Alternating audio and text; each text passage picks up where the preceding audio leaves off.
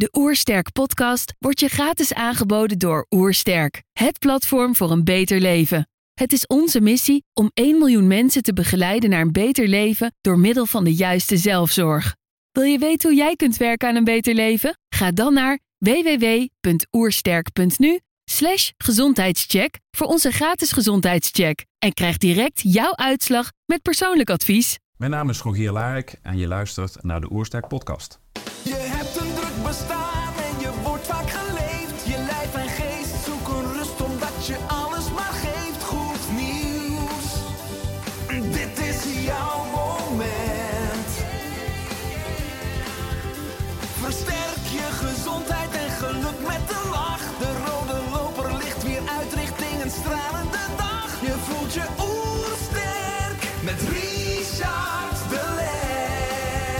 We zijn hier in Heemskerk voor een podcast met Rogier Larik. Rogier is openbaar apotheker en aanvoerder van de leefstijlapothekers. Met zijn bedrijf Care for Cure heeft hij de opleiding leefstijlapotheker opgericht. Ik ben benieuwd naar zijn tips voor een beter leven. Trouwens, geniet je van onze podcast? Abonneer je dan en laat een reactie of review achter. Zo help je ons om het gezondheidsvirus te verspreiden. Let's start. De Oersterk Podcast. Een ontdekkingstocht naar een beter leven. Rogier, welkom. Dank je. Je bent de eerste aanvoerder van de leefstijlapothekers. En op jullie website staat voor de juiste dosis gezondheid. En hoe ben je tot dit concept gekomen? Ehm, nou, hoe zijn we gekomen? Het is eigenlijk het is heel klein begonnen. Uh, we waren uh, nou ooit, wanneer was dat, zo'n jaar of vier geleden met uh, twaalf apothekers die ehm, eigenlijk iets wilden met preventie en leefstijl en gezondheid. En toen waren we, hè, wat ik zei, we waren toen uitgenodigd door Vereniging Arts en Leefstijl. We zaten met z'n allen rond een, een, grote tafel. En dan ga je zo'n rondje doen van, joh, hoe zie jij dat dan? want we zijn toch eigenlijk van de medicijnen, daar weten we ook het meeste van. Maar je proefde aan die tafel een, een, een soort enthousiasme van... Ja, hier ligt iets wat we, wat we mee moeten, waar we iets mee willen. Uh, dat we, natuurlijk, onze medicijnen willen we niet vergeten. Uh, het heeft nog steeds veel waarde. Maar kunnen we dat aanvullen? Kunnen we dat verbreden? En uh, ja, het mooie was dat iedereen ging dan vertellen hoe hij dat voor zich zag. En ja, de ideeën werden groter en groter. Toen dachten we, ja, dit, hier moeten we iets mee. Maar dan zit je met een clubje van twaalf. En toen hebben we gezegd, nou, hier moeten we wel structuur gaan geven. Um, hoe gaan we dat doen? Um, dat wist eigenlijk niemand. Uh, ik zeg, nou, laten we enthousiast blijven. Laten we kijken of we mensen kunnen aansteken. Um, en stap voor stap is dat eigenlijk wel aan het lukken. Ja. Uh, maar het is heel klein begonnen. Ja, mooi inspirerend, want de groep hè, wordt steeds groter. Zal ik ook ja. uh, straks benoemen. Ik vind het zelf enorm inspirerend. Maar ook een beetje dat ik een soort vastloper had in mijn mind. Want ik dacht van enerzijds staat... Uh, meer leefstijladvies en ja. dan minder pillen. Ook haaks op het verdienmodel van openbare apothekers, hè, wat, je, wat je bent. Nou, dat klopt helemaal. Uh, je ziet misschien ook aan mijn glimlach. Ja, wij verwonderen bij anderen precies wat je zegt van... je bent er van de medicijnen. Waarom zou je iets gaan doen uh, wat, wat misschien nadelig is voor je, voor je verdienmodel?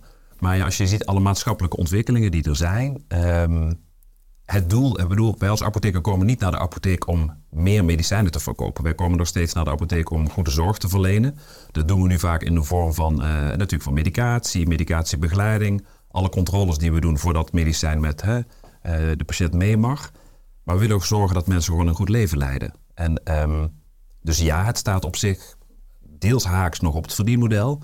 Maar we zijn ook bezig, uh, en toen in die tijd ook al gedacht, ja, dat verdienmodel moet uh, moet aangepast worden. Zodat het ook loont financieel om contacten te zoeken, proactief met mensen van goh, uh, zou je openstaan om uw medicatie af te bouwen? Is wat we dan noemen, is die indicatie er nog? Die gesprekken hebben we al. Alleen ik denk dat we dat veel meer voeding zouden kunnen geven als ook het verdienmodel aansluit. Dus ja, er zijn nu genoeg ontwikkelingen op dat gebied. Dus we waren misschien een beetje onze tijd vooruit. En we hopen dat ja, die financiering bij onze inspiratie gaat aansluiten. Ja, daar wil ik straks ook wat dieper op ingaan. Als je ja. het hebt over zorgverzekeraars, als je het hebt ook over de politiek. Ja. Uh, maar hè, leefstijlapotheken, natuurlijk een mooi woord. Naar welke pijlers kijken jullie ook naast medicatie? Nou, eigenlijk alle pijlers. Uh, wij gebruiken de, het leefstijlroer van arts en leefstijl eigenlijk als, als, als, als basis. Wanneer we een stapje dieper willen gaan, gebruiken we ook het hè, spinnenweb van positieve gezondheid. En we willen die we, hebben het veel voor patiënten. En we, ik, wil, ik wil ook heel graag het stapje naar voren zetten wanneer iemand nog eigenlijk geen patiënt is. Dus eigenlijk voor eh, het, het bredere aspect willen we kijken wat mogelijk is. Dus ja, ook je bekijken wat naar voeding. We kijken natuurlijk naar bewegingen, naar alle pijlers, slaap en stress. Maar we worden geen diëtist, we worden geen fysiotherapeut, we worden ook geen huisarts. Eh, wat ik zei, dat is leefstijlapotheken. Daar waar het medicijn nog een centrale rol heeft, blijven we dat eh, natuurlijk eh, ja, gebruiken als eh, start van een gesprek. Mhm. Ja, want je ziet dat het een beweging, een movement wordt. Ja. Hè, want hè, binnen de farmacie pakt een groeiende groep leefstijlapothekers de handschoen op door een stevige impuls te geven aan preventie en meer gezondheid. Nou, inmiddels zijn er al meer dan 315 eh leefstijlapothekers. Eh, hoe wordt jullie concept ook misschien wat meer onder traditionele beroepsgenoten ontvangen? Nou ja, het- dus wat ik zeg, we begonnen ooit heel klein en we wisten niet waar we naartoe zouden gaan. Met, Eh, met die 12? met die 12. En ehm, ik werkte toen bij een apotheekketen. eh, en daar, ehm, ja, misschien kan ik zo meteen ook vertellen hoe ik eigenlijk eh, in deze wereld gerold ben. Maar toen hadden we wel iets concreets gemaakt door een, een gezondheidscheck. En eh, net bij de voorspraak hadden we het ook over Tamara de Weijden, die heeft er ook in meegedacht. Daar had ik toen ook redelijk wat contact mee. Dus we wilden iets concreets maken om ervoor te zorgen dat eh, patiënten of mensen geen patiënten zouden worden. Dus ook echt in die voorfase. En eh, wat ik zag in de, de plek waar ik aan de slag was bij die apotheken, dat ik de inzicht van insulineresistentie, hyperinsulinemie, laaggradige ontsteking, dat vertelde ik heel graag. Ik, ik werd bij heel veel plekken uitgenodigd. Dus je zag dat steeds meer mensen enthousiast werden van hé, hey, dat zijn inzichten die ik nog niet had. Het is logisch dat we iets met een gezondheidscheck willen doen. En we kunnen ook echt iets voor die patiënt betekenen die nu al medicatie gebruikt. Dus dat gedachtegoed werd breder en breder. Eh, De een stak de andere aan. Dus we gingen van 12 zeg maar, naar 24 en ineens naar 38. Dus we kregen ineens een soort van body. Eh, daardoor had ik de luxe om op nog meer congressen, eh, ja, wat ik dan zeg, het verhaal mocht vertellen. En toen stond ik met Iris de Vries, die is nu voorzitter van Arts en Leefstijl, bij een congres was in de coronatijd, dus het was allemaal digitaal.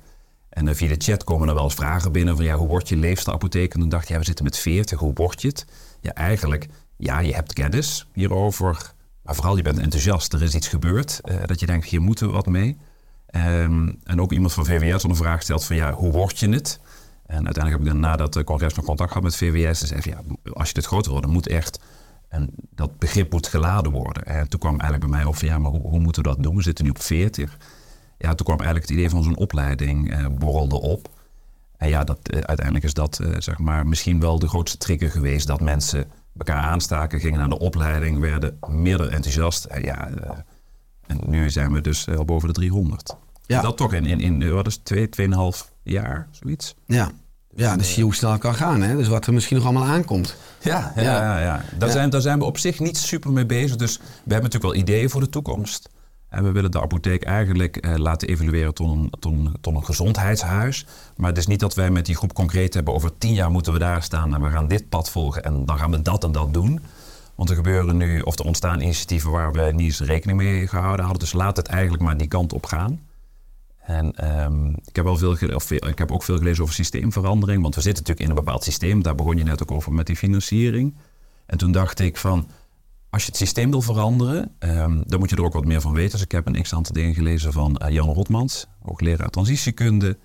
En daar blijkt dan dat eh, als je 25% van de mensen hebt of eh, van het gedachtegoed hebt verspreid, dat mensen dat eh, eh, achter staan, ja, dan heb je zo'n soort, soort kantelpunt. Dus als we iets dan smart zouden maken, dan willen we naar 700 uh, leefstijlapothekers. En ja, toen we met z'n twaalf zaten, hadden we nooit gedacht dat we eh, het daarover zouden hebben. Dus ja, 700 ligt binnen handbereik, maar puur om het te integreren in hetgeen wat we al doen. Ja, En als aanvulling, eh, ja. positieve aanvulling, ja. Mooi, ik denk dat deze podcast ook hopelijk een positieve impuls Ja. gaat geven. Ik vond het ook leuk om te kijken naar jouw levensweg. Hè. Je hebt farmacie gestudeerd in Utrecht. Ja. Eh, je bent ruim 12 jaar als eh, openbare apotheker in verschillende apotheken heb je gewerkt. Ja. Maar toch nog een stap daarvoor. Jouw vader was ook apotheker. Ja, ja. Hoe was dat in jouw jeugd? Was je veel in de apotheek te vinden? Nou, wij woonden boven de apotheek. Dus de eerste 18 jaar van mijn leven heb ik boven de apotheek gewoond. En daarna heb ik eh, zeven jaar gestudeerd. En daarna heb ik in de apotheek. Dus de apotheek is, wel is, is echt een rode draad. En ehm, bedoel, wij woonden boven de apotheek. En mijn vader was ja, heel veel aan het bereiden. Dus die maakte de, de medicijnen. En ehm, soms kom ik natuurlijk nog wel eens in een apotheek. En dat- het heeft toch een specifieke geur. En eh, dan, dan voel ik alsof ik weer thuis kom. Dat is zo herkenbaar. En, dus nee, de apotheek heeft altijd een grote rol gespeeld. En ik heb ook voor mijn vader veel medicijnen bezorgd. Ging naar patiënten of naar verzorgingstehuizen. Dus Dus, ik heb het eigenlijk van kinds af aan eigenlijk al meegekregen. Ja. Ja, met een paplepel. eh, ja, ja, ja. ja. En eh, nou, inmiddels eh, ben je een pionier. En ik lees op de website van de leefstijlapothekers... Hè, ze willen vooruit. En, want het is inmiddels een movement. En actief bijdragen aan de overgang van ziekenzorg naar gezonde zorg. Met hart en ziel zetten ze hun kennis en kunde in... voor het behandelen en voorkomen van ziekte. De leefstijlapotheker ondersteunt de cliënt in het nemen van meer verantwoordelijkheid voor eigen gezondheid, een gezonde leefstijl en zo min mogelijk medicijngebruik. Dat vond ik interessant toen ik dat las, hè, want vroeger heette de opleiding geneeskunde en Ja. medicijnen. En wat zou er ook in jouw optiek Terwijl wij veranderd- medicijnen hebben gestudeerd. ja, dat is de grap dus, ja. Ja. Eh, veranderd of aangevuld mogen worden. Misschien zowel in de opleiding tot arts als de opleiding tot apotheker. Als je kijkt hoe al die stromingen nu al ook een beetje samenkomen. Je zit met Tamara de Weijer. Nou, die is de gast geweest in de eerste Oester Ja, podcast. Was toen voorzitter natuurlijk ook van Arts en Leefstijl. Ja. Ehm, hoe zouden die opleidingen mogen meetransformeren? Nou, ik denk dat eigenlijk alle opleidingen over het hebben, bedoel, we kunnen het ook over eh, fysiotherapeut, diëtist, eh, eh, dat alles veel meer samen eh, moet gaan. Nu hoor je heel vaak health in all policies, nou ook health in all, eh, in alle opleidingen. En ik denk dat dit eh, leefstijl is niet van de arts, het is niet van de apotheker, het is, het is van ons allen. Eh, dus ik denk dat we eigenlijk allemaal hetzelfde geluid zouden moeten naar buiten moeten kunnen eh, brengen. Door eigenlijk dezelfde soort van opleiding te hebben. Het is natuurlijk niet alleen in de zorg, maar het moet ook op scholen. Het moet eigenlijk overal terug gaan komen. Om te zien wat voor problemen, tot welke problemen het leidt wanneer we die aandacht daar niet aan geven. Dus, dus ik denk ook veel meer samenwerken op dat gebied al tijdens de opleiding. Dat het normaler is dat je daarna, als je eenmaal aan de slag bent in de zorg, dat het ook normaal is om elkaar in ieder geval op dit gebied te vinden.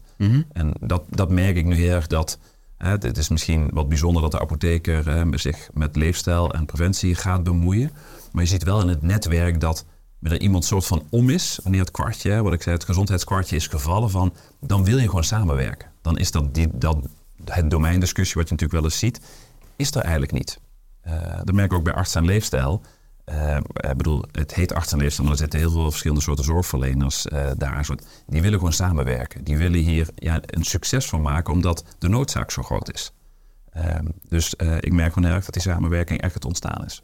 Ja, want als je het hebt over de invulling van de opleiding tot apotheker. Je ligt natuurlijk heel veel, ook biochemisch, maar ook gewoon echt nou, klinisch hoe medicijnen werken. Ja. Welke werkingsmechanismes, Ja. eh, indicaties, maar ook interacties, contra-indicaties. Ja. Eh, in het buitenland zie je soms boven een apotheek natuurlijk al farmacia staan. Hè. Farmacie is er ook een financieel spanningsveld tussen ja, die niet patenteerbare leefstijlinformatie bijvoorbeeld in de opleiding krijgen. Dat geldt ook voor geneeskunde, maar misschien ook voor apotheker. En dus de farmacie en dus wel het, het, het ja, pillen willen verkopen als verdienmodel hebben. Ja. Nou, even, ik, ik weet niet, want vraag je eigenlijk van welke ontwikkelingen zijn er? Nou, er Dat zijn misschien ook wat- stromingen of belangen die botsen in, in die transitie. Nee, oh, er zullen genoeg belangen eh, zeg maar, er zijn. Maar misschien is dat ook een van de, als je het over succes hebt, dat er zoveel apothekers willen aansluiten. Die willen gewoon eh, het losgekoppeld dat het, het. Natuurlijk moet er een verdienmodel komen. Dat wanneer we aandacht hebben over leefstijl, wanneer we aandacht hebben over het afbouwen van medicatie. En zeker dat, dat proactieve van, goh, zeker mensen die langdurig bijvoorbeeld slaapmedicatie gebruiken. Je hebt nu het, eh, ja, project Benzomoe dan zien we gewoon echt dat heel veel ehm, apothekers daar iets mee willen. Maar het gekke is, we gaan dus met mensen die langdurig slaapmedicatie... en die, zouden, eh, die kunnen we dan begeleiden in het stuk afbouwen. Ehm, maar dan houd je verdienmodel op. En ehm, heel veel apothekers doen dat vanuit hun zorgverlenershart. Maar willen we dat niet alleen met slaapmedicatie, maar met zoveel meer doen... ja, dan moet de financier gaan aansluiten. En je ziet nu wel dat, dat, dat die niet alleen die tendens, maar er zijn ook vragen in, in de Tweede Kamer hè, of de, de, de, de financiële structuur van de apotheek, het, het, het verdienmodel dan aangepast kan worden, waardoor die initiatieven meer dan logisch worden dat we daar eh, naartoe gaan. Dus ik kan alleen over de Nederlandse situatie praten. Dat zien we, we zien dat dingen in beweging zijn. Natuurlijk zullen er dan belangen of hè, systeemproblemen eh, tot uiting komen, maar dat, dat moeten we dan maar zien in de zin van ik merk groot enthousiasme. En ik, ik denk dat dat enthousiasme eh, uiteindelijk dat ook gaat uitstralen. Ja, maar bijvoorbeeld ook concreet als je de apotheker binnenkomt, dat je misschien helemaal geen medicijn nodig hebt, maar je krijgt een advies hè, of een inzicht wat je niet wist, dat dat ook aan te klikken is. Dat, dat, ook, dat er ook een verdienprikkel zit. Ja, nee, ik heb eh, in, de, in de opleiding tot leefstijlapotheker hebben we, eh, dat is al dan op de, de, de vierde opleidingsdag, laat ik gewoon het nummertjeapparaat van de, van, van de toekomst zien. Eh, en ehm, daar heb ik ook een discussie met, hè, met, met de apothekers die die opleiding voor. Van, hoe zie je dat voor je? Natuurlijk, medicatie, hè, een startmedicatie, jaargesprekken, medicatiereviews, eh, bijwerkconsult. Dus medicijn heeft nog steeds het belangrijkste onderdeel. Dat is ook de studie die we gedaan hebben. Maar het kan ook veel breder. Ook het, het, het, het, het aanbieden van een gezondheidscheck. Eh, eh, mensen kunnen bloeddruk meten. eh, bepaalde screenings wanneer mensen langdurig medicatie eh, gebruiken. En mensen die zeggen van, joh, ik, ik, ik zou met minder willen. Kan dat? Eh, als je je leefstijl aanpast, wat is dan het effect? En eh, moeten we, wanneer je leefstijl aanpast, bijvoorbeeld je voeding... Wanneer je omlaag zou gaan in koolhydraten, moeten we ook kijken naar bepaalde medicatie. Omdat we al doseringen gaan verlagen of sommige dingen misschien zelfs stoppen voordat mensen echt aan een leefstijl gaan werken. Dus we zijn aan het zoeken en aan het kijken eh, dat het logisch wordt dat gezondheid ook een onderdeel is in de apotheek. En daar zijn we dus nu al dingen voor aan het aanpassen eh, in de apotheek. Ja. Ja, dat is mooi, want het leidt tot eh, nou, veel meer winst. Dat lees ik ook terug op de website van de leefstijlapothekers. Er staat, lang, vitaal en gezond blijven is de winst voor de cliënt. Ja. Meer werkplezier en zingeving is de winst voor de apotheker. Ja. En meer samenwerking met de huisarts is de winst voor de eerste lijnzorg. En minder zorgdruk en zorgkosten is de winst voor ons allemaal. Ja. En wat zie je nu ontsluimeren of borrelen ook binnen dus de politiek en zorgverzekeraars? In hoeverre zijn zij dus ook nu zoekende of misschien met, eh, met pilots? Of, of zie je ook dat de politiek nu in de verkiezingen, misschien eh, is dat klimaat of vruchtbaarder? Nou, ik, ik denk algemeen dat het, dat het klimaat steeds vruchtbaarder wordt. Ehm, we hebben dus een x-aantal initiatieven die we ontplooien. Hebben, hebben we begonnen met 12, gingen naar 40. En in, in de loop van de tijd zaten we ehm, volgens mij op 180 of bijna 200. En toen dachten we, ah, misschien zijn we toe aan een volgende stap. Eh, en je bedoel, als je die opleiding hebt gedaan, daarbij, dan kan je dus aansluiten. Maar er zit niet een, in, we zijn geen vereniging of een stichting. Dus mensen kunnen gewoon aansluiten. Eh, maar daar, we hebben dus helemaal geen, geen cash in huis. Maar we hebben toen wel een crowdfunding eh, gedaan. Dus gewoon echt in een appgroep een tikkie van jongens, we hebben dit bedrag nodig voor, eh, om een stap te zetten. Dus toen hebben we met een marketingbureau een merkverhaal geschreven van wat willen we nou eigenlijk? We, we stonden nu, we waren klaar voor de volgende stap. En dat merkverhaal hebben we toen gemaakt en gecreëerd. En dat heb ik naar alle, ja, denk wel eigenlijk alle zorgverzekeraars gestuurd. Van jongens, weet dat in de apotheekwereld ook die beweging is. Wij willen, eh, wij willen graag daar een bijdrage aan leveren. En met heel wat, eh, met wat, eh, hoe het, wat, wat zorgverzekeraars heb ik aan tafel gezeten. Ik heb me eigenlijk overal ook daarna proactief uitgenodigd. Puur om het verhaal te vertellen. Niet van jongens, dan moeten we dit of dit gaan doen. Maar weet dat die beweging niet alleen bij, de, bij de artsen bij de diëtist is, maar gewoon ook bij ons. En ehm wij geloven heel erg in de waarde van de apotheek centraal in de wijk. We zijn laagdrempelig te benaderen. Eh, iedereen weet waar de apotheek zit. Ehm, we weten ook dat de huisarts eh, overbelast eh, is door alle dingen die hij moet doen. Ik zeg er niet meer dat wij heel veel tijd over hebben. zeker niet. Maar wel, wij kunnen met de initiatieven die we ontplooien ook uiteindelijk die zorg ehm, behouden eh, die we hebben en verbeteren. En ook die huisarts daarmee eigenlijk ontlasten. Dat is ook onderdeel van van, het- geheel. En eh, daar moeten we wel eh, eh, voor in de actie. Zo'n merkverhaal geschreven, zorgverzekerd. Ik heb ook met ZN aan tafel gezeten. ehm, nu ook met de Vereniging Nederlandse Gemeenten. Dus ik probeer over het verhaal te vertellen. En wat je toen straks ook al zei, in een voorbeschikking overal zaadjes planten. En of die uitkomen, weet ik niet. En, maar er komt wel van alles uit. Eh, dus, ehm, dus ja, we zijn stap voor stap aan het groeien. Dus ik hoop dat het klimaat steeds meer die kant op gaat. Ja. En een partner waar we eigenlijk niet mee in gesprek waren, was, waren de gemeentes. En ehm, die stap heb ik nu wel gezegd. Dat heeft eh Z- Zorgverzekering Nederland heeft daarvoor geholpen van, om te kijken van jong, kunnen we dat gesprek eh, ook hebben? Want je ziet dat zorgverzekeraars en gemeenten steeds meer samenwerken voor die preventieinfrastructuren. En ehm, dus ook met hè, VNG aan tafel gezeten. En ja, dat zijn toch wel hele mooie gesprekken. Dat, precies wat je zegt, met, met, dat je ook dacht van apotheker aan leefstijl. Eh, dat zie je dus op, op, veel plekken. En dat is vaak ook een soort openingsmoment voor anderen. Van, hm, zo heb ik eigenlijk nooit naar de apotheek gekeken. Ja, hey, misschien, is dat wel ook een goede stap die we kunnen zetten. Nou, daar sta ik natuurlijk alleen maar achter. Eh, dus ja, er is van alles in beweging. Maar we zijn met die beweging bezig. Ja. We, soort van, we zien wel waar dat naartoe gaat. Mooi, ja, ik vind het wel hoopvol, want op jullie website hebben jullie ook een kopje preventie in de apotheek. Ja. Hè, eh, daarin staat, hè, wat je nu ook zegt, de leefstijlapotheken willen een sleutelrol spelen op het gebied van preventieve gezondheidszorg in elke Nederlandse wijk. Ja. En dat de apotheek de plek is waar cliënten antwoorden krijgen op vragen over hun gezondheid, zowel op het gebied van medicatie als ook op het gebied van leefstijl. Nou, er zijn net eh, verkiezingen geweest, er komt een nieuwe regering aan. Hè. Wat zou jij doen als je minister zou worden van duurzame gezondheid? Eh, wat ik zou doen. Ehm, ehm, ik denk dat ik alle ministers eh, en staatssecretarissen bij elkaar zou roepen. Ik denk dat ik zou zeggen, ehm, misschien dat ik, hè, net zoals bij de opleiding, bij de opleiding begin ik ook, laat ik eerst alle problemen zien die er zijn. Nou, ik bedoel, het aantal mensen met overgewicht, met obesitas, eh, de groei van mensen met dementie, eh, Parkinson. eh, ja, ik kan eigenlijk alle chronische aandoeningen opnoemen. En dat die allemaal verbonden zijn met elkaar. Ehm, ehm, in het lichaam, maar ook ons lichaam op deze planeet. Een gezond lichaam kan alleen maar een gezonde planeet. En dat je steeds zo verder zou vertakken dat al die transities er nu zijn. Energietransitie, klimaattransitie, de transitie in de zorg, onderwijs. Dat die allemaal met elkaar verbonden zijn. Ehm, dus ik zou echt mijn grote zorg uitspreken. Maar dat we ook de kans hebben om een grote stap te zetten voor onze kinderen en kleinkinderen. Dus dan zou ik ehm, ze een boek geven van eh, Jan Rotmans, Omarm de Chaos. En ook het boek ehm, Once Upon a Future heet die van Ruud Veltenaar. Dat, die is wat dikker. Dus ik krijg het dan het weekend om dat te lezen. En ik zeg maandagochtend eh, gaan we echt aan de slag. Want we moeten echt vooruit.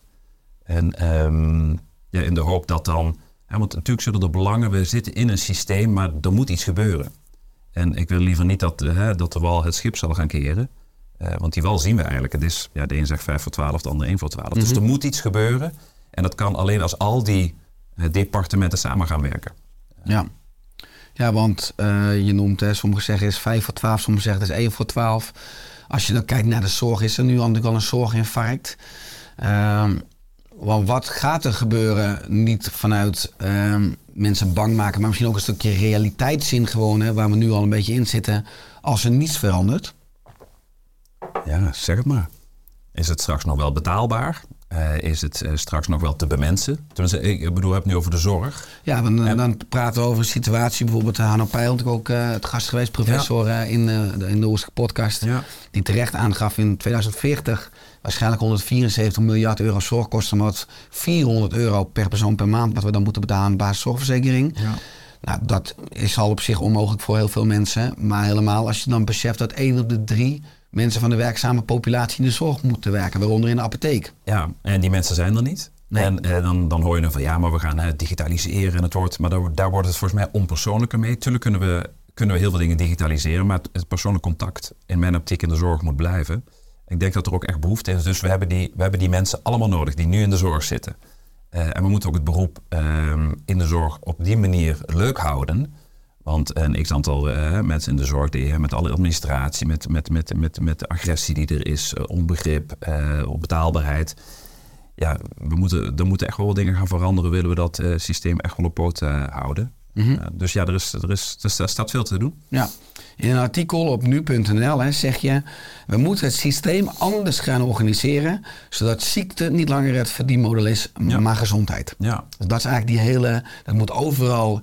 eh, in alle domeinen moeten daarvan doordrenkt raken. Eigenlijk. Dat allemaal gemeenschappelijk... Nee, klopt, want je, je, je gaf net, hè, Hanno Peil is hier ook geweest. Daar Ja. heb ik ook mee eh, gesproken eh, in, die, in die beginfase. En ik had hem natuurlijk alles eh, gehoord op een, podium. En maar als je dan persoonlijk contacten, persoonlijk, hè, we zaten toen aan tafel, dacht van ja, het moet overal terugkomen. En hij zei ook dat eh, op andere plekken in de wereld dat gezondheid het verdienmodel is. Dat staat centraal. En dat er bepaalde eh, plekken, eh, ook, ook, ook, ook huizen daar specifiek voor in de wijk zijn ingericht. Ja, toen zat ik in de auto terug naar huis en denk van ja, we moeten dus hier ook van die gezondheidshuizen maken. Zonder dat ik dat helemaal ontkleed had. Ik dacht van ja, het bijzondere is dat we natuurlijk in elke Nederlandse wijk hebben we een apotheek. Zouden we niet die apotheek kunnen laten eventueel tot een gezondheidshuis? Niet om het ik had toen nog niet concreet gezegd, ja, misschien moeten we dat als een soort pinpoint hebben. Eh, Het wordt het gezondheidshuis en hoe we dat dan gaan invullen met het stuk preventie, met een stuk leefstijl. Met de mogelijkheid om eh, te praten over medicatie en ook over hulpmiddelen. Nu is het zo geregeld eh, dat eh, mensen hulpmiddelen, en dan heb ik het over incontinentiemateriaal of kathetersets, via allemaal landelijke partijen vandaan moeten krijgen. Huizen zijn er meer tijd mee kwijt. Eh, allemaal papieren. terwijl we, we hebben het over patiëntenzorg. Dus ik hoop dat dat ook een soort golfbeweging, dat dat gewoon weer terugkomt naar de Nederlandse wijk. Gewoon dicht in de buurt, we regelen het voor u. Want, want die noodzaak is er in mijn optiek gewoon. Dus, ehm, en dat zou in mijn optiek goed passen in zo'n gezondheidshuis gedachte. Ja, dat zei je ook in een interview op Radio 1. Ja. En zei je, we willen de apotheek evolueren tot een gezondheidshuis. Nou, je bent meer in de media geweest. Ik kwam aardig wat tegen als voorbereiding ook op deze podcast. Eh, onder andere ook een mooi artikel in het Algemeen Dagblad. Ja. Die opende met de, de kop minder pillen, meer advies. Fantastisch natuurlijk, zo'n eh, enorme pagina. Wat voor reacties krijg je zoal op eh, nou artikelen of als je bij Radio 1 bent of nu.nl? Nou ja, binnen de apothekers is het natuurlijk mooi dat, dat we hier meer bekendheid aan geven. Dus daar eigenlijk eh, heel veel positieve reacties. Maar ook voor dat AD-artikel ook heel veel patiënten die dan belden en mailden. En we hebben op onze website ook een landkaartje waar je apothekers, leefstijlapothekers kan vinden. En ja, ik, eh, er- ontstond echt iets. Oftewel, ja, er is dus echt behoefte aan. Heel veel mensen gebruiken chronische medicatie. Het aantal mensen met een chronische aandoening is gigantisch. Ehm, en dat zien we ook terug in het medicatiegebruik. En ja, de vraag is, willen mensen het is natuurlijk noodzakelijk op dit moment, maar heel veel mensen zouden minder kunnen. Dus er is behoefte om daarover in, in, in contact te treden. Dat zagen we gewoon heel erg terug. Dus dat willen we veel verder vorm, eh, vorm gaan geven eh, om te voldoen aan die behoeften. Dus meer is zeker niet credo. En wat je nu ook ziet, het afbouwen is ehm, ja, bijna, bijna een soort hip begrip. van Ja, afbouwen, dat- het, het doel is niet afbouwen. Het is pas het medicatiegebruik. En soms moet- zou er iets bij kunnen. Soms kan er ook zeker iets af. En eh, wanneer het afjaagt, dan soms moet je dus wel iets met je leefstijl eh, doen. Waardoor je stap voor stap zou kunnen gaan afbouwen. En eh, Ja. soms ook sto- stoppen met medicatie. Ja, het is soms wel een. Ik weet niet of het een grappige paradox is of een, een pijnlijke paradox. Of gewoon dat je nu ziet dat heel veel artsen het anders willen. Nou, je hebt arts en leefstijl. Nou, ook dat heel veel apothekers het anders willen. Je hebt leefstijlapothekers. Dat heel veel mensen, het volk, het anders wil. Maar dat we al die partijen eigenlijk heel weinig, als je het hebt, concreet eh, macht of invloed ook hebben. Als je kijkt hoe we nu ook structuren als zorgverzekeraars en politiek, eh, dat we de controle een beetje allemaal uit handen hebben gegeven. In nu in grotere verbanden en structuren. Ja. Dat houdt er dus eigenlijk, eh, want ik ben het met je eens, zo hebben we het nu georganiseerd. Dus het lijkt alsof we vastzitten. Maar wat ik net bedoel met die 25%, we hebben dus straks een kritieke massa aan, ik bedoel arts, apothekers, maar ook de gemeentes. Dat dan de, de- dus we zijn het voorsorteren op die verandering en die, we zien het. We zien dat het het veranderen is. Alleen als je wat verder bent, eh, heb je nog steeds het idee van, ja jongens, eh, het, het moet eigenlijk nu. Eh, dus ik denk dat we op een bepaalde manier geduld moeten bewaren om weten dat het eraan zit te komen. En voor mij gaat het ook niet snel genoeg. Ik zou het ook graag vandaag anders willen. Dus, maar ik denk dat we wel hoopvol moeten zijn, want ook op klimaatgebied is er van alles aan het veranderen. Ehm, ik denk dat we hier eigenlijk naar hetzelfde kijken. En wat is voor jouw gevoel realistisch? Zeg je van, eh, ja, ik zie het in één of in vijf jaar gebeuren of tien of zeg je van, nee, ga nou één of twee generaties. Nou, nogmaals, ik benoemde net al 2040 is eigenlijk al te laat. Ja. Ja, Richard, weet ik niet. Maar hoe sneller hoe beter. Ik- Ja, dat sneller hoe beter. Ik, ik, ik zou graag, ik bedoel, ik heb natuurlijk eh, ook, ook ik- gisteren eh, was ik ook op congressen. Iemand die een verandering duurde bijna 17 jaar. Toen dacht ik, het zal toch niet waar zijn? Want dat is die 2040. Dus ja, ik, ik hoop gewoon dat het eerder gaat. En het enige wat, wat, wat ik en wij kunnen doen is zoveel mogelijk zaadjes planten. Mensen eh, niet zozeer, eh, eh, ja, natuurlijk motiveren, maar inspireren. Ja. Want dan gebeurt er iets bij die ander en die gaat daarmee aan de slag. En dat is wat, wat we bij ons zien. Hoe zijn we nu? We zijn nu op meer dan 315. Ehm, die zijn op, alle, op, op al een eigen manier soort, eh, ja, van binnen geraakt door iets. Want iedereen heeft een vader of, en iedereen heeft een kind. En iedereen, het wordt dus iets persoonlijks. En we laten tijdens die opleiding ook eh, doen allemaal checks, ehm, zodat ze hun eigen lichaam leren kennen. En dan veranderen ze, ja, natuurlijk allemaal maar ze, veranderen automatisch dingen in hun leefstijl, waardoor ze denken, hm, het wordt in ieder geval een stuk rustiger in mijn lichaam. Ik ben er nooit bewust van geweest. En eh, bij sommige controles je van, joh, als ik goed geslapen heb, dan, eh, dan voel ik me eh, veel beter. Dus mensen volgen hun natuurlijke slaappatroon. Dus je verandert iets in die levens. En je verandert iets in, in, in, in de gezinsstructuur. Ja, sommige mensen zeggen, ja, ik ben 20 kilo afgevallen en mijn partner ook 12. Eh, eh, terwijl we wel van alles hebben geprobeerd. Ja, dat vind ik natuurlijk mooi. Hè? Dat, dat straalt weer uit in zo'n apotheekteam. En apotheekteam die zijn dan ook van, maar hoe doen jullie dit? Dus eh, ik heb nu ook een opleiding voor apotheeksassistenten. Dus ja, die olijfolievlek, ik zeg wel die olievlek, die olijfolievlek, die, die, die, die eh, wordt alleen maar groter. Dus ja. Heel inspirerend, eh, ook heel hoopvol. Eh, Ik benoemde net ook dat artikel in het Algemeen Dagblad. Onder in het artikel stond een eh, klein kopje. Het titel Advies in 30 seconden. Ja. Waar kan ik dan aan denken? Ik bedoel, nou dat advies, dat, dat kwam ook uit onderzoek. want ik hoorde wel eens van, ja, maar hele grote projecten hebben we daar wat tijd en de ruimte voor. En dit is een, een, eigenlijk een kortdurend advies. Volgens mij is het oorspronkelijk onderzocht bij, volgens mij, alcoholgebruik en ook stoppen met roken. Dus heel kort eh, advies vraagt, hè, bijvoorbeeld ik kan het heel goed eh, inzien in de apotheek. Voor gewoon mag je vragen, naar van stop door, rookt u? Als mensen zeggen nee, ja, dan is het, dan kan je zeggen fantastisch, mooi. En als die zeggen ja, dat je dan heel kortdurend advies voor, goh, wist je dat de beste manier om te stoppen met roken is hè, professionele begeleiding en eventueel eh, medicatie. En mochten er interesse in hebben, dan hebben wij een folder of we werken samen met de huisarts of een soort advies. Maar het is, dus je geeft kort, in het kort eigenlijk een advies mee, zonder dat die patiënt of cliënt die aan de balie staat moet reageren van joh, ik wil wel of niet, of geen interesse. Je geeft iets mee, dus je plant een zaadje, of je geeft een cadeau mee en of ze het uitpakken, eh, dat ligt aan hen. Maar wat dus blijkbaar uit onderzoek is dat sommigen gaan er dus direct op in. Anderen zeggen nee, nee, dank je, geen interesse, eh, maar die folder geef maar. En dat dan op een later moment, hè, dat, dat ze naar buiten lopen of thuis toch, eh, tot ja, misschien moet ik er toch eens een keer iets mee. En blijkbaar eh, is dat best wel effectief. Dus we hebben dat nu ontwikkeld voor stoppen met roken. Eh, ook al aanhangig maken van dat het afbouwen van medicatie tot de mogelijkheden zou kunnen behoren. Heeft er interesse? Eh, dus we proberen we allemaal adviezen te hebben eh, om eens over tijd mee te geven.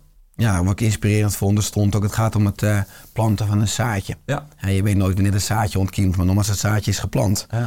Eh, 315 leden, hè, waaronder apotheker Anne Margreet Krijger. Ja. Hè, die ontving in 2020 een nationale leefstijlprijs.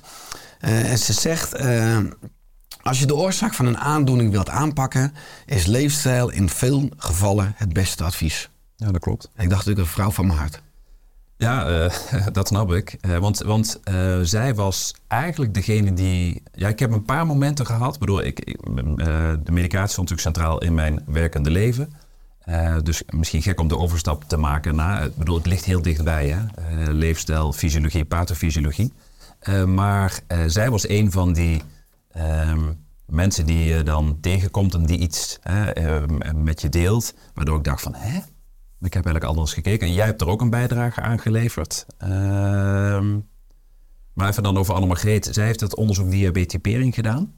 En ehm, samen met TNO.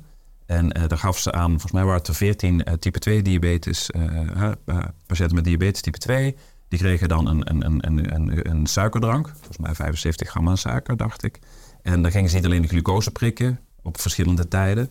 En, eh, maar ook het insulinegehalte.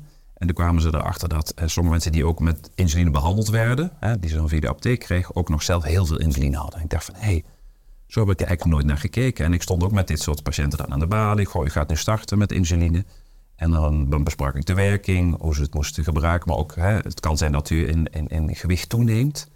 En eigenlijk door dat diabeteperingsonderzoek van Anne Margreet Krijger werd mij zo helder van... Ik benoemde dan wel zo'n bijwerking, maar de hele ehm, hormonale disbalans en de hormonale reactie... Had ik, dat kwartje was bij mij nog niet zo gevallen. Dus ik dacht van, hey, ik moet hier eigenlijk veel, veel meer van weten.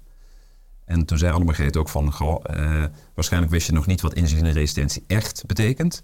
En toen heeft ze me een x-aantal eh, ja, boeken en literatuur aangereden, dus gekocht. Die avond begonnen met lezen en dacht ik van, jeetje, dit wist ik niet. En waarom wist ik dat niet? En als ik dat niet weet, dan zou het kunnen zijn dat heel veel apothekers eh, die kennis ook niet hadden. Dat, dat, was een van die momenten dat ik dacht, ja, hier, hier moet ik iets mee. En eh, dus heb ook vaak tegen Anne Margreet gezegd, dankjewel dat je me dat heeft Ja, aangeraden. mooi. Ja, mooi. Ja. Eh, inspirerend project, hè, want je, eh, ik noem al een paar keer het getal 315 en het groeiende. Ja. Maar kun je nog eh, andere voorbeelden geven van succesvolle of misschien wel originele projecten waarin, waaraan jullie hebben bijgedragen of nog steeds bijdragen? Nou, ik denk hè, het, het, het- hetgeen wat ehm, nu een nou niet in ontwikkeling, want het is, nou, het, is nooit klaar, maar we hebben een, een protocol ontwikkeld. Dat noemen we het GLIM-protocol. Je hebt nu die GLIS, hè, de gecombineerde leefstijlinterventie. En als je bepaalde medicijnen gebruikt, is het heel lastig om, om, om eh, af te vallen. En, en sommige medicijnen zorgen, hinderen ook of belemmeren de mate van beweging. Dus dan, als je aan een GLI begint, aan zo'n leefstijlprogramma, en je hebt bepaalde medicijnen waardoor dat, eh, dan begin je eigenlijk met de handrem aan. En eh, dus we hebben nu een protocol ontwikkeld eh, en ook eh, literatuur gekregen van Lisbeth van Rossum, professor obesitas uit Rotterdam. Dus we hebben een, een overzicht gemaakt en een hele medicatie review om te kijken, als je begint als een leefstijlprogramma, wat voor medicijnen gebruikt u? Welke medicijnen ge- gebruikt u ook die zou kunnen hinderen om zo'n programma goed te doen? Hoe kunnen we dat wel of niet, dan wel of niet switchen? Nou, dan hebben we natuurlijk contact met de huisartsen. Dus we hebben zo'n ja, zo'n glimprotocol ontwikkeld. Ja, dat zien we wel steeds meer terug op heel veel plekken. Dat, dat, ook, dat de apotheker dus een rol krijgt bij eh, mensen die met een GLI eh, starten. Ja. En eh, dat gebruiken apothekers nu ook bij gewoon medicatiereviews. Dat we ook meer toegespitst van u gebruikt bepaalde medicijnen. Bent u eventueel in gewicht toegenomen? Ehm, dat als bijwerken. Maar we weten nu ook dat wanneer hormonen de basis zijn eigenlijk van die gewichtstoename. Dat we weten ook dat we kijken naar een disbalans. En niet alleen een, een, een getal wat de weegschaal laat zien die wat omhoog gaat. Dus, Mhm. eh, dus dat is eh, dus het glimprotocol. Ja. ja, ik noemde net de naam van eh Anne Margret Krijger. Ja. Ik zag ook de leefstijlapotheker René Peters. Ehm, en dat ging over een stuk apothekers in Soetermeer. Ja. Eh, die gaven mensen medicijnen mee in speciale tassen. En op die tas staat de boodschap of de tekst... wij zijn zelf het medicijn. Ja. Dat is een beetje sterk nu staat Ja. het wordt je eigen medicijn. Dus eh, ze vragen hiermee aandacht voor het verband tussen leefstijl en dementie. Ja. Maar je ziet dus in die groep natuurlijk allemaal mooie ballonnetjes of initiatieven ontstaan. Ja, ja en, dat, en dat zie ik ook in mijn rol. Ik bedoel, ik eh, zelf zorg, verzorg ik eh, de opleiding. eh, en daarnaast dus, ben ik dan na één à twee dagen bezig met die beweging. En ik zeg tegen apothekers van, goh, ehm, sluit aan. Natuurlijk als je het wil, als je geïnspireerd bent. En we hebben alle initiatieven, wat er ook gebeurt, nodig. Die verzamel ik dan, dat zet ik dan op, die, op, onze website. En dit is ook zo'n initiatief. Zodat wat in Zoetermeer gebeurt, dat mensen in Maastricht denken van... hé, hey, dat past precies eh, in, in, in, de, hè, in de afspraken die wij kunnen maken... Met, of met huisarts of met de gemeente. Eh, dus we proberen alles te verzamelen, ehm, ja, zodat in ieder dat kan gebruiken. Dus ongeacht of een apotheek ergens bij aangesloten is. Het gaat mij om alle apothekers en alle apotheken in Nederland. Dus dit is ook een heel zo mooi initiatief. eh. Ja. ja, en die opleiding die je een paar keer benoemd, dat doe je vanuit het bedrijf Care for Cure. ja, dat ben je zelf gestart. ja, Eh, bovenaan de website staat over jou. hè, Ik heb mijn eigen leefstijl stap voor stap aangepast. En ik voel me fitter dan ooit. Ja. Dat gun ik iedereen met een uitroepteken. En welke stappen heb je zelf allemaal getest? Wat heb je zelf ondervonden? Nou, ik heb... ehm, ja, natuurlijk, je begint vaak eh, met voeding. Ehm, door alle kennis die ik dan eh, aan het vergaren was. eh, Ja, op een gegeven moment weet je van... Oké, sommige dingen die ik dus nou, niet dagelijks, maar veel gebruikt... eh, dat is dus niet zo gezond als ik dacht. En natuurlijk wist je dat ergens wel. Alleen, hoe meer je erover hoe meer je weet van... Ja, sommige dingen moet ik dus eigenlijk gewoon niet meer doen. Alleen ja, ook thuis had ik een soort systeem eh, met mijn drie kinderen... Eh, dat ik ook dacht van, oké, ik wil dus dingen gaan veranderen. ehm, maar zonder te zeggen van, jongens, dit mag niet meer en dit mag wel. Ik dacht, nou, ik ga het eerst voor mezelf eh, doen. En dan kunnen ze het zien. Zien wat er gebeurt. Dus nee, ik heb wel echt, echt, wel echt heel veel veranderd. Ehm, ik ben, ja, eigenlijk groente is een beetje de basis geworden van al mijn maaltijden. Eh, het was natuurlijk al bij, bij, hè, bij diner, alleen dan maakte ik vaak één groente. Nu maak ik er twee of drie. Eh, de lunch is ook gewoon standaard de basisgroente. En zelfs eh, bij mijn ontbijt eh, wil ik nu gewoon een omelet maken met, met groenten en met kaas of eventueel wat vlees of vis. Dus eigenlijk in stapjes ben ik dat gaan veranderen. En ehm, dus iets, minder, minder, iets minder in koolhydraten, iets meer in eiwit en, en vet. Waardoor ik gewoon voor het eerst eigenlijk rust in mijn lichaam ervoor. En nog steeds dat ik denk van, hm, was dat dan eigenlijk die fase hiervoor? En daardoor was het, eh, hoef ik ook helemaal geen tussendoortjes meer. Want ik had vaak een banaan of een of andere reep in mijn tas. Van ja, straks rond tien uur of eh, als, ik, als ik honger krijg. Eh, en dat is niet meer. En dat doe je dus niet op wilskracht, maar omdat je lichaam niet aan je vraagt van goh, gaan we weer eten. Dus dat, dat heb ik wel echt veranderd. Ehm, En als ik dan mag, want ik luister goed, dan zeg je, ik hoor eh, meer groenten, ik hoor eh, ei, je zegt ook vlees en vis, dus Ja. ook meer eiwitten en vetten. Ja. Waardoor je ook minder koolhydraatbronnen eet, begrijp ik, als brood, pasta, rijst, aardappelen. daar ben ik, ben ik allemaal wat gaan minderen. Want dat was eigenlijk een beetje de basis van, van, van, van wat wij aten. En eh, bedoel, mijn, mijn, mijn, mijn dochter aten dan waar cornflakes met melk. Ja, en als je dat dan niet denkt van ja, hm, is dat allemaal wel zo gezond? Waardoor ze misschien ook stuiterend door de dag gingen. En ook hun heb ik daar eigenlijk veel meer meegenomen. Dus ik bak nu elke, elke, bijna elke ochtend eieren eh, voor ze. En dat, ze weten nu even niet beter. Maar ze, ook zij geven af, ja, nee, dus ehm, dat, dat in ieder, geval, in ieder geval bevalt. Dus nee, ik, dus niet geen pasta meer, niet geen... Dus alles wat, wat ik eet is dan wel in de volkoren variant. Maar gewoon iets minder. Dus eigenlijk ook op mijn bord is er veel meer balans eh, gekomen. Ja, ik onderbrak je, je had het onder groente gedaan. Van mij wil je toch nog een brug maken. Nou, in ieder geval dus omdat je qua leefstijl, ook, ook, ook, qua bewegen. Ik bedoel, ik werk eh, dus of eh, ik geef opleiding, dus ben of onderweg of ik ben daar. En ik ben ook wel redelijk wat dagen thuis. Dus ik heb nu ook omgedraaid. Ik heb natuurlijk een, een, sta-zitbureau. Maar het is gewoon een staanbureau en soms ga ik zitten. Dus ik heb het nu geprobeerd om te draaien. Want eerst had ik, een, ik heb zo'n klokje en dan na een uur eh, gaat er dan een piep af. Daar, oh ja, ik, moet weer gaan staan. Maar nu is de piep van, eh, ik ga ik wel of niet zitten. Dus ik probeer het een beetje om te draaien. Ehm, ja, en, en wat ik volgens mij zei net ook over slapen. Dat ik gewoon eigenlijk dacht, maar wat mijn natuurlijke slaaptijd is. Uh, dus ik ga nu elke avond rond de klok van half elf naar bed. Uh, ook op vrijdag en zaterdag. Natuurlijk niet altijd, maar zo goed als altijd. Ik volg gewoon eigenlijk veel met mijn natuurlijke ritme. Waardoor ik wakker word uh, nou, zonder dat de wekker dat mij wakker hoeft te maken. Ja, en het heeft dus ook letterlijk veel meer vitaliteit, fysiek mentaal gegeven. Hè? Ja. Um, nou, op de... En dat wil je dus, want ik zeg, maar, ja. dat, dat, je zei net van dat uitroeping, dat we heel graag gaan delen.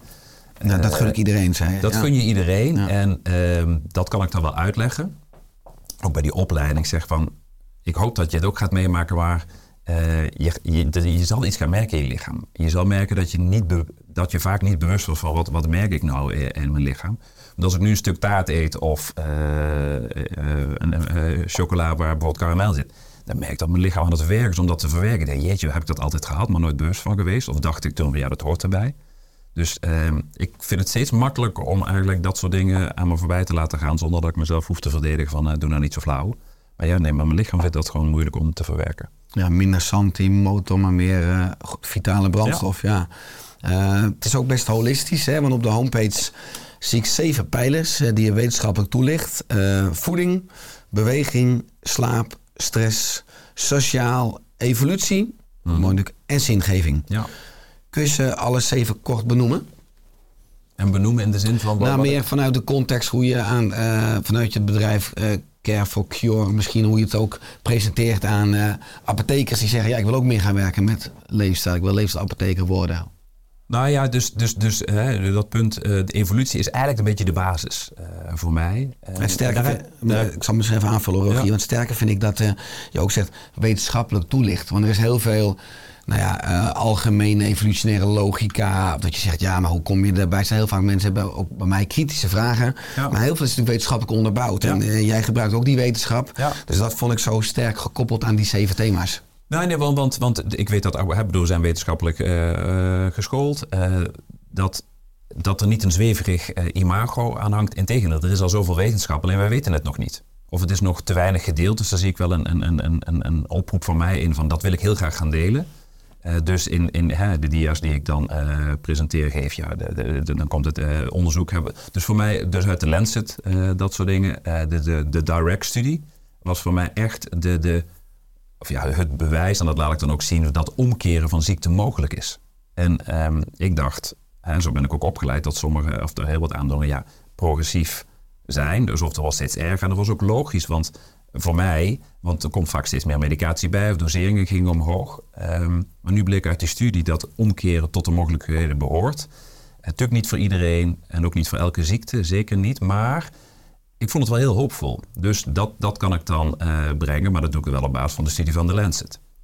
En een andere studie ook, hè, de Interheart-studie, daar heb je zeker wel gehoord. Hè.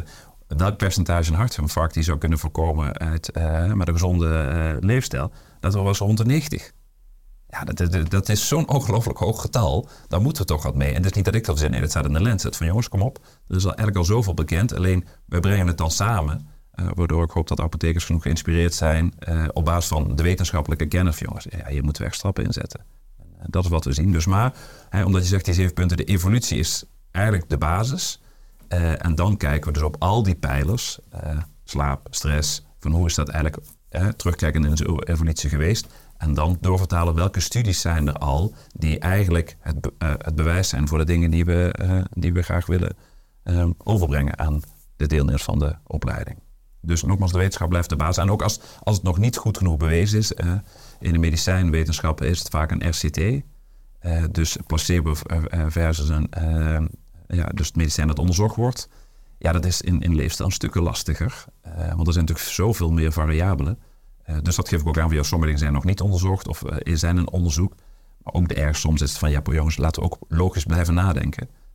Sommige dingen weten gewoon dat gezond zijn. En wacht niet tot we daar een hele grote trial bij doen. -hmm. Ja, ik kan me ook voorstellen dat als je ja, dit soort onderwerpen wetenschappelijk benadert, dat je in ieder geval bij professionals die ook heel erg cognitief rationeel zijn ja. opgeleid, al door een beetje door het kritisch denken heen komt. En dat je daarin ook meer mogelijkheid hebt om hun eh, perceptie en wereldbeeld ook te veranderen. Want je schetst eigenlijk een heel nieuw perspectief. Er is een heel andere wereld, een heel andere benadering of parallel mogelijk. Ja, dat klopt. En volgens mij, het, het is- niet zozeer dat ik het andere beeld laat zien. Het is volgens mij vooral dat ze dus van binnen ehm, ervaren dat... Normaal gesproken hebben we het over, hè, over wetenschappelijke kennis. Dat gaat over bijvoorbeeld een patiënt met diabetes.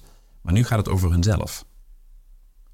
En dus ik probeer dat eh, te draaien van jongens, dit, gaat gaat niet over een ander, dit gaat over jezelf. Volgens mij heb ik het ook ergens op de website staan. Goed zorgen begint bij jezelf. En dan pas komt eh, je dierbare, eh, je team, je patiënten eigenlijk aan de beurt. Dus dat is wat ik probeer. Ik probeer dus eigenlijk bij de mensen naar binnen te gaan.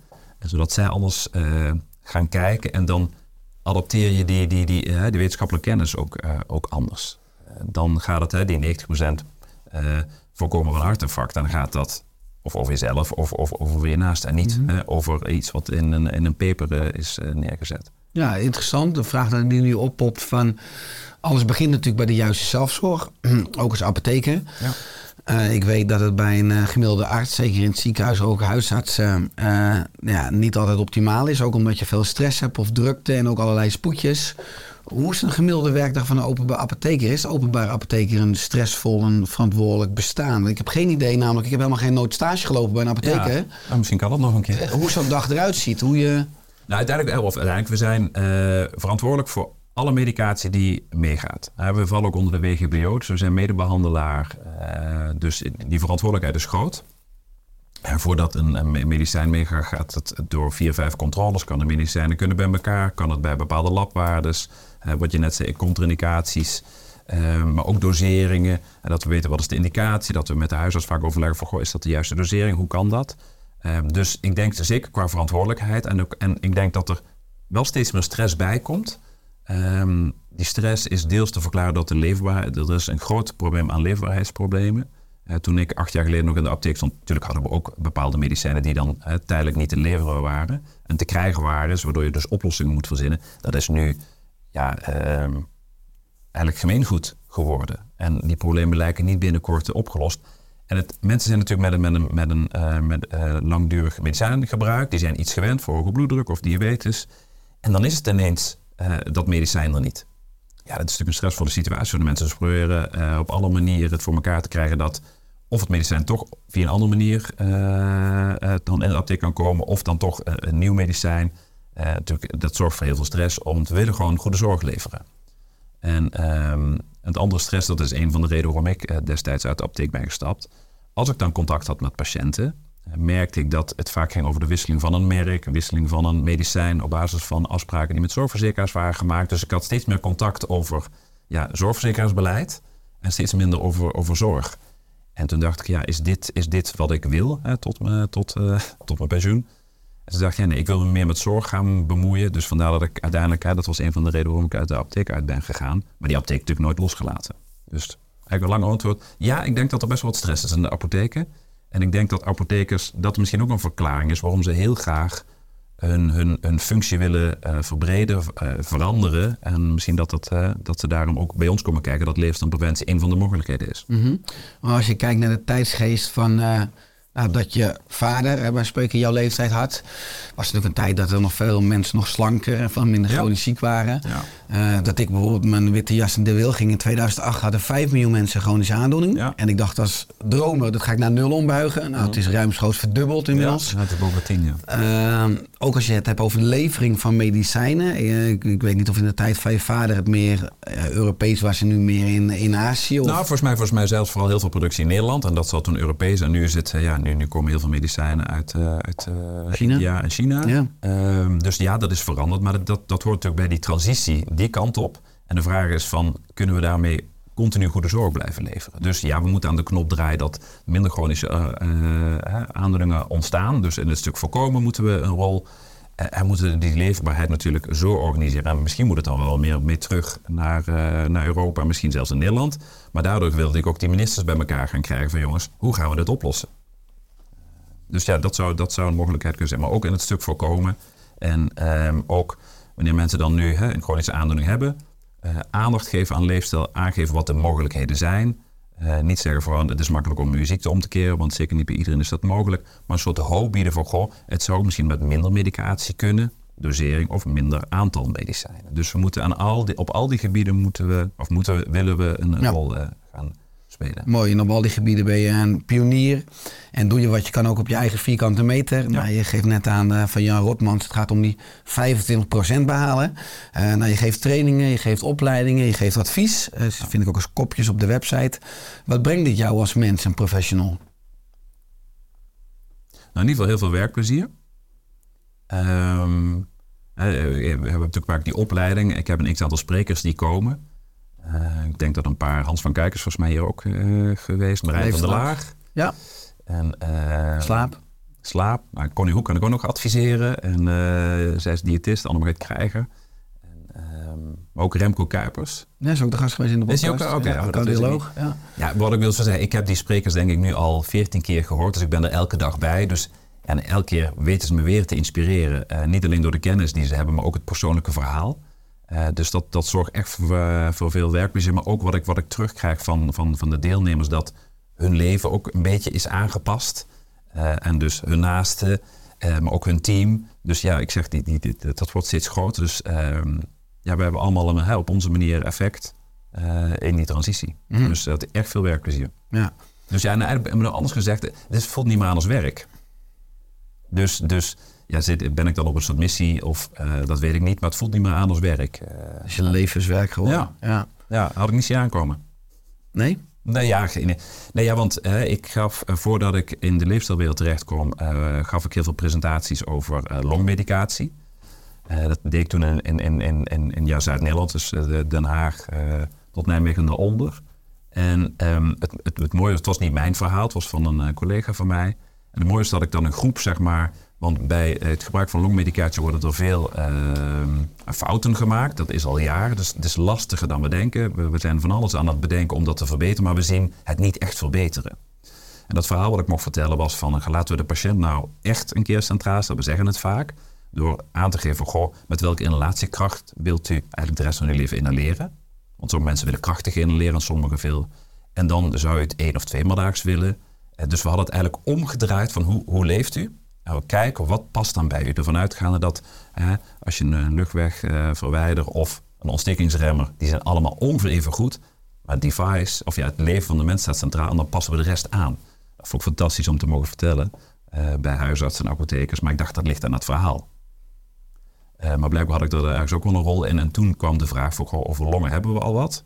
Eh, we hebben nog andere chronische aandoeningen. Kan je op diabetesgebied wat eh, verzinnen, waardoor we beter samenwerken met die huisarts. En ook het verschil maken voor die patiënt. Ja, toen zat ik natuurlijk in de medicijnen eerst te kijken. En toen kwam ik op... eh, ja, dus ik had diabetes gekozen. Ik zat in de medicijnen te kijken. En toen kwam je dus ook in contact met leefstijl. En toen dacht ik dus in het begin, ja, dat hoort niet bij ons. Toen kwamen die leefstijlcoaches ook wat meer op. Praktijkondersteuning hoort bij hun. Maar toch, eh, ja, wat ik net zei met, die, met de diabetipering, dat was een van die eye-openers. Ook die direct-studie. Maar daarvoor heb je ook een rol in. Eh, ik was ehm, bij een, ja, ik weet niet of dat een congresdag, buitengewoon leiderschap. Thijs Lindhouten was en jij was de tweede spreker. En ik had jou gezien op de, op de, op de fly. Ik heb nog nooit van Richard gehoord, maar evolutionaire eh, inzichten voor eh, gezondheid. Ik dacht, nou, daar, moet ik eens goed naar luisteren. En toen presenteerde jij op een heel groot doek, of weet ik veel, achter eh, een soort wereldkaart. En ik weet niet of je in welk jaar je begon, maar ik zeg 1970. En stap voor stap gingen we verder. En het aantal mensen met obesitas. En ik zag ernaar te kijken. En ik zie dat beeld als een soort bosbranden. Alsof overal een heel bosbranden opkwamen. En Maar 2014, ja. en ik schrok me echt, ik schrok me kapot. Dus ik keek om me heen. Ik dacht, moet niet iedereen hier zeggen van jongens, eh, naar buiten gillen van eh, de boel staat in de fik. Maar ik zag iedereen knikken. Maar toen voelde ik wel van binnen van ja, dit is, dit is zo'n moment. Ehm, hier moet ik wat mee. En eh, dat heeft er uiteindelijk voor gezorgd van ja, dus blijkbaar moet ik toch in die leefstijl gaan kijken. Waardoor we dus meer het verschil kunnen maken. Dus dat was, was een van, de, van, die, hè, van die momenten dat een kwartje echt goed doorvalt. Dus eh, dank daarvoor. Met liefde. Ja, dus, eh, dus ja, en, eh, en, zo- en zo zitten we hier. Ja. En met de initiatieven die we ontplooien. Ja, mooi, want eh, je benoemde net een paar keer eerder de gezondheidscheck. Eh, je verbaast je erover, hè? eh, dat las ik ook in mijn voorbereiding, dat, je bijvoorbeeld, dat we bijvoorbeeld twee keer per jaar naar de tandarts gaan voor een controle. Ja. Hè, maar dat we geen laagdrempelige gezondheidscheck uitvoeren. Stel je voor, eh, want je noemt het begrip een paar keer, eh, waar zouden we dan aan kunnen denken? En bedoel je wat voor checks we zouden... Ja, maar ik het interessant vind misschien een beetje als de onderstroom in die vraag. Dat sommige mensen zeggen van jij moet altijd oppassen van wat is de intentie of het belang achter de gezondheidschecken. Je kan het ook gebruiken om mensen meer aan de cholesterol verlagers te Ja, krijgen. op die manier, eh, dat- of dat- meer ja, ja. Aan, aan, aan, de pillen te krijgen juist. Ja. Maar als de farmacie de... eh, nou ja, bedoel, ja, nee, ja, het dus- brein is achter ja, een grappig, check. Zo, zo heb ik daar ik zelf niet zo aan gekeken. Ik ben, eh, ben een beetje verbaasd. Ja, dat, dat, zo kan er natuurlijk naar gekeken worden. Maar toen ik eh, dus heel veel die literatuur ging eh, bestuderen en ik kwam achter, eigenlijk weer achter, achter het metaboolsyndroom, eigenlijk een beetje de voorfase. Want nu hebben we dus het systeem be- bewacht tot mensen, hè, tot de chronische aandoening tot uiting komt. Dan beginnen we vaak met de leefstijl. En, eh, en, eh, maar ook al heel vaak wordt de stap al gezet naar medicatie en dan wordt steeds meer. En in het metabolisme is eigenlijk die voorfase. En je, je kan al x aantal dingen meten van tevoren, waardoor je dus een bepaalde disbalans ziet. heb je vijf kenmerken inderdaad. Heb je vijf metaboolsyndroom, Ja. En eh, wat ik zei in die tijd ook met Tamara de Wij, van hoe kunnen we dat dan eh, vormgeven dat we in die voorfase zitten? En niet zozeer van, goh, we zien dit. En natuurlijk zullen er mensen zijn die met hele hoge bloeddruk rondlopen en hoge glucose. Ja, dan, dan is die eigenlijk die ziekte. Dan zouden we eh, mensen natuurlijk behandelen via het, de, de protocollen en standaard die we hebben. Maar het gaat juist in die voorfase. Want hoe eerder je in het, het ziekteproces ehm, iets verandert, hoe, hoe beter je het dan kan voorkomen en omkeren. Dus vandaar dat we echt in die voorfase willen zitten en, en niet als doel van, goh, dan kunnen we er eh, medicijnen aan verdienen. Want juist in die voorfase, dan kijk je dus als je drie van de vijf eh, parameters zeg maar uit balans hebt, dan zit je dus, dan, ja, dan, dan noemen we het metabool syndroom en dan zit je dus bijna te wachten van, ja, het zou tot uiting kunnen komen tot diabetes of tot hoge bloeddruk en nog veel meer. Dat we juist in die voorfase mensen eigenlijk al ehm aanhangig maken, goh, we zien dat het een bepaalde kant op gaat. We zijn er gelukkig vroeg bij. Ehm, en het mooiste is als je zo'n check doet en mensen eh, die willen altijd weten en, en eh, 130, wat betekent dat? Mensen zijn altijd, ze willen gewoon weten eh, iets van hun waardes, want ja. je, je laat ze eigenlijk in hun eigen gezondheidsspiegel kijken. Dus dan is er ook een soort van ja, eh, teachable moment van goh, we zien dit. ehm, er is van alles mogelijk. Er is heel veel lifestyle aanbod, bijvoorbeeld in de wijk. Wat zou u willen?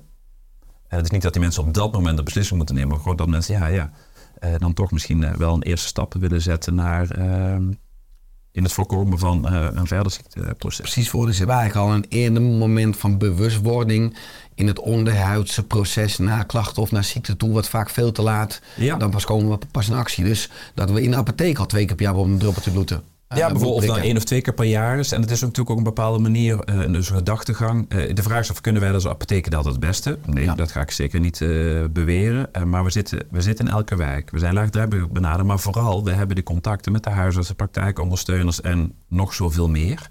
Ehm, en ik denk überhaupt dat er een maatschappelijke tendens is dat mensen dat allemaal eigenlijk wel gewoon willen weten.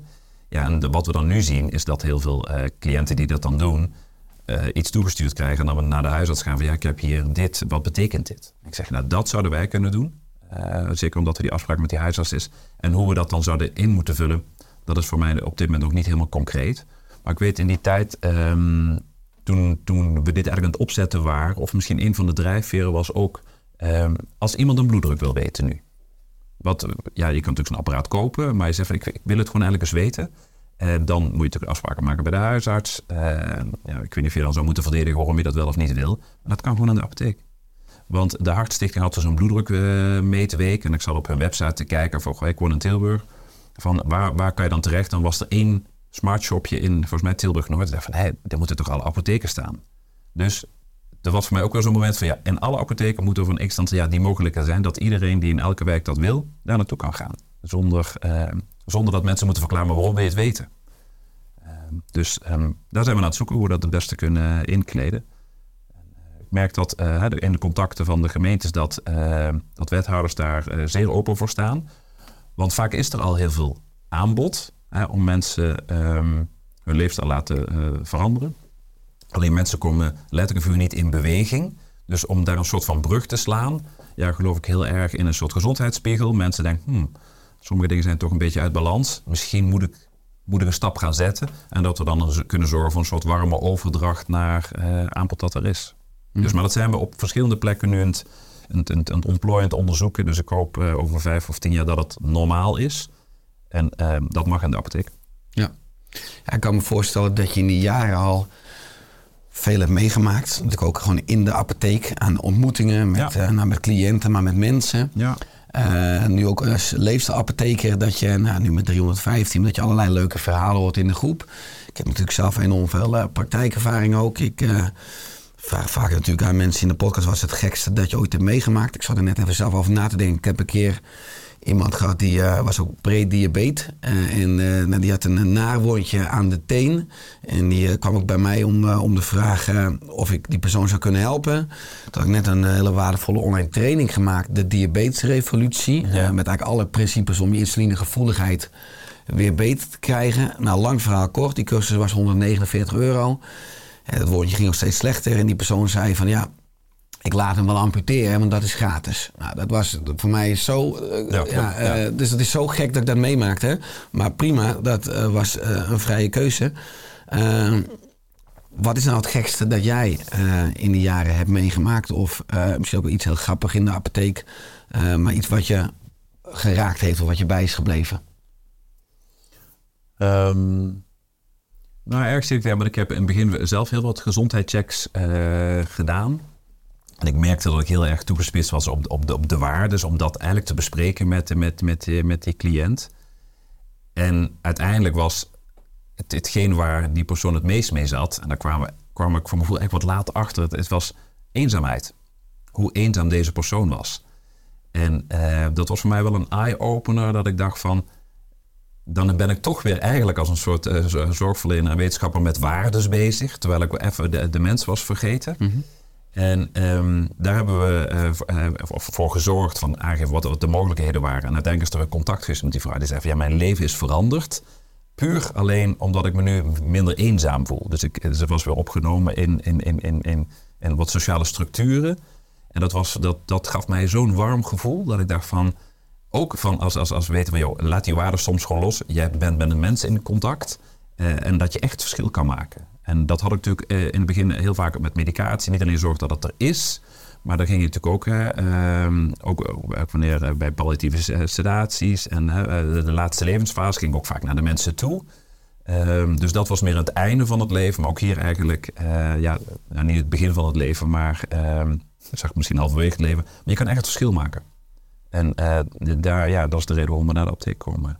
Ja, in die zin is persoonlijke aandacht dus ook wel een preventief medicijn. Ja, Ja, ja, Oh, we zijn sociale dieren. Ja. Mooi Rogier, is er aan het einde van de podcast nog iets dat je graag wil toevoegen of aanvullen? Ehm, nou ja, volgens mij niet, niet zozeer. Eh, ik denk dat we heel veel dingen hebben, hebben aangegeven en besproken. Dat, eh, ja, eh, super dat, dat ik dit bij jou mocht delen. En wat ik net zei, ja, jij hebt er ook voor gezorgd. Hè, dat voor mij helder wordt, ik moet hier wat mee. En ook iets wat je toen, wat je toen zei. ehm, volgens mij waren toen in Amsterdam. En toen zeiden we, we kunnen met deze hele groep naar, naar, eh, naar, naar Artis gaan. En dan geven we de, de chimpansees, hè, pakken we uit onze, eh, uit onze rugzak pakken we een candybar en eh, een pakje drinken. En, en dat gooien we naar, wat, wat, wat is dan je reactie? Ja, maar dat moet je niet doen. En, ehm, maar we doen het wel aan onze kinderen. En toen viel bij mij weer, weer zo, ik zei een kwartje van de inzicht van ja, ik ging met mijn kids heel vaak naar de Beekse Bergen met mijn rijstwafels en met alles en ook dit soort pakjes. Ja, jeetje ook voor mij persoonlijk moet er iets eh, veranderen. En ehm, ja, dat heb ik ook in mijn gezin eh, stap voor stap gedaan. Dus, eh, dus dank daarvoor. Graag gedaan. Ja, ik zei toen prikkelend, hoe kan het dat we onze dieren beter voeden dan onze kinderen? Omdat, Ja. ik zie dan ook op het podium prikkel ik en schuur ik graag. Ja. Maar Ja, dat lukt. fijn. Eh, waar kunnen mensen meer vinden over leefstijlapothekers, over Care for Cure, over jou? Nou, in ieder geval, ja, we hebben een x-aantal websites. eh, maar de belangrijkste is careforcure.nl. Het gaat over, over mij en daar staat eh, van alles wat ik, wat ik persoonlijk doe en organiseer. En over de beweging en netwerk van leefstijlapotheken hebben we de website deleefstijlapotheken.nl. Aanrader om te bekijken. Rogier, dankjewel voor je komst in de Oerstek podcast. Graag gedaan en dank. Heel graag gedaan en proost op een eh, wereld vol leefstijlapothekers. Klinkt fantastisch. En alle goeds. Dankjewel.